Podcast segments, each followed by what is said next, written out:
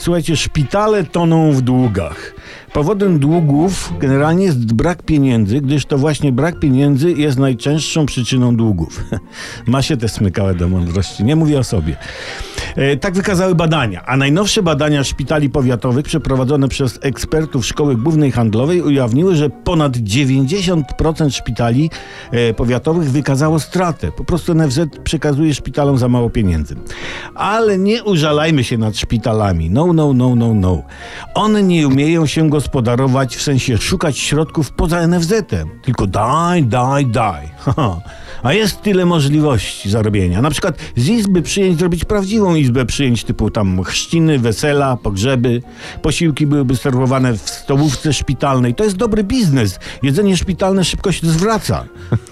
I na przykład zorganizować dla turystów wakacje nad basenem, dla turystów dewizowych polowania na kaczki, w kotłowni założyć nocny klub Skalpel.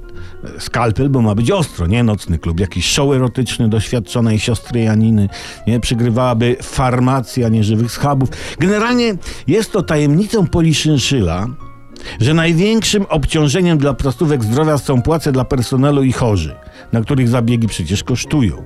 A jakby szpital dobrze się zakręci wokół działalności dochodowej, to i z chorych mógłby zrezygnować. Bo to kłopot, po co im to? Tym bardziej, że połowa społeczeństwa nie wie, jak się poruszać w obecnym systemie służby zdrowia.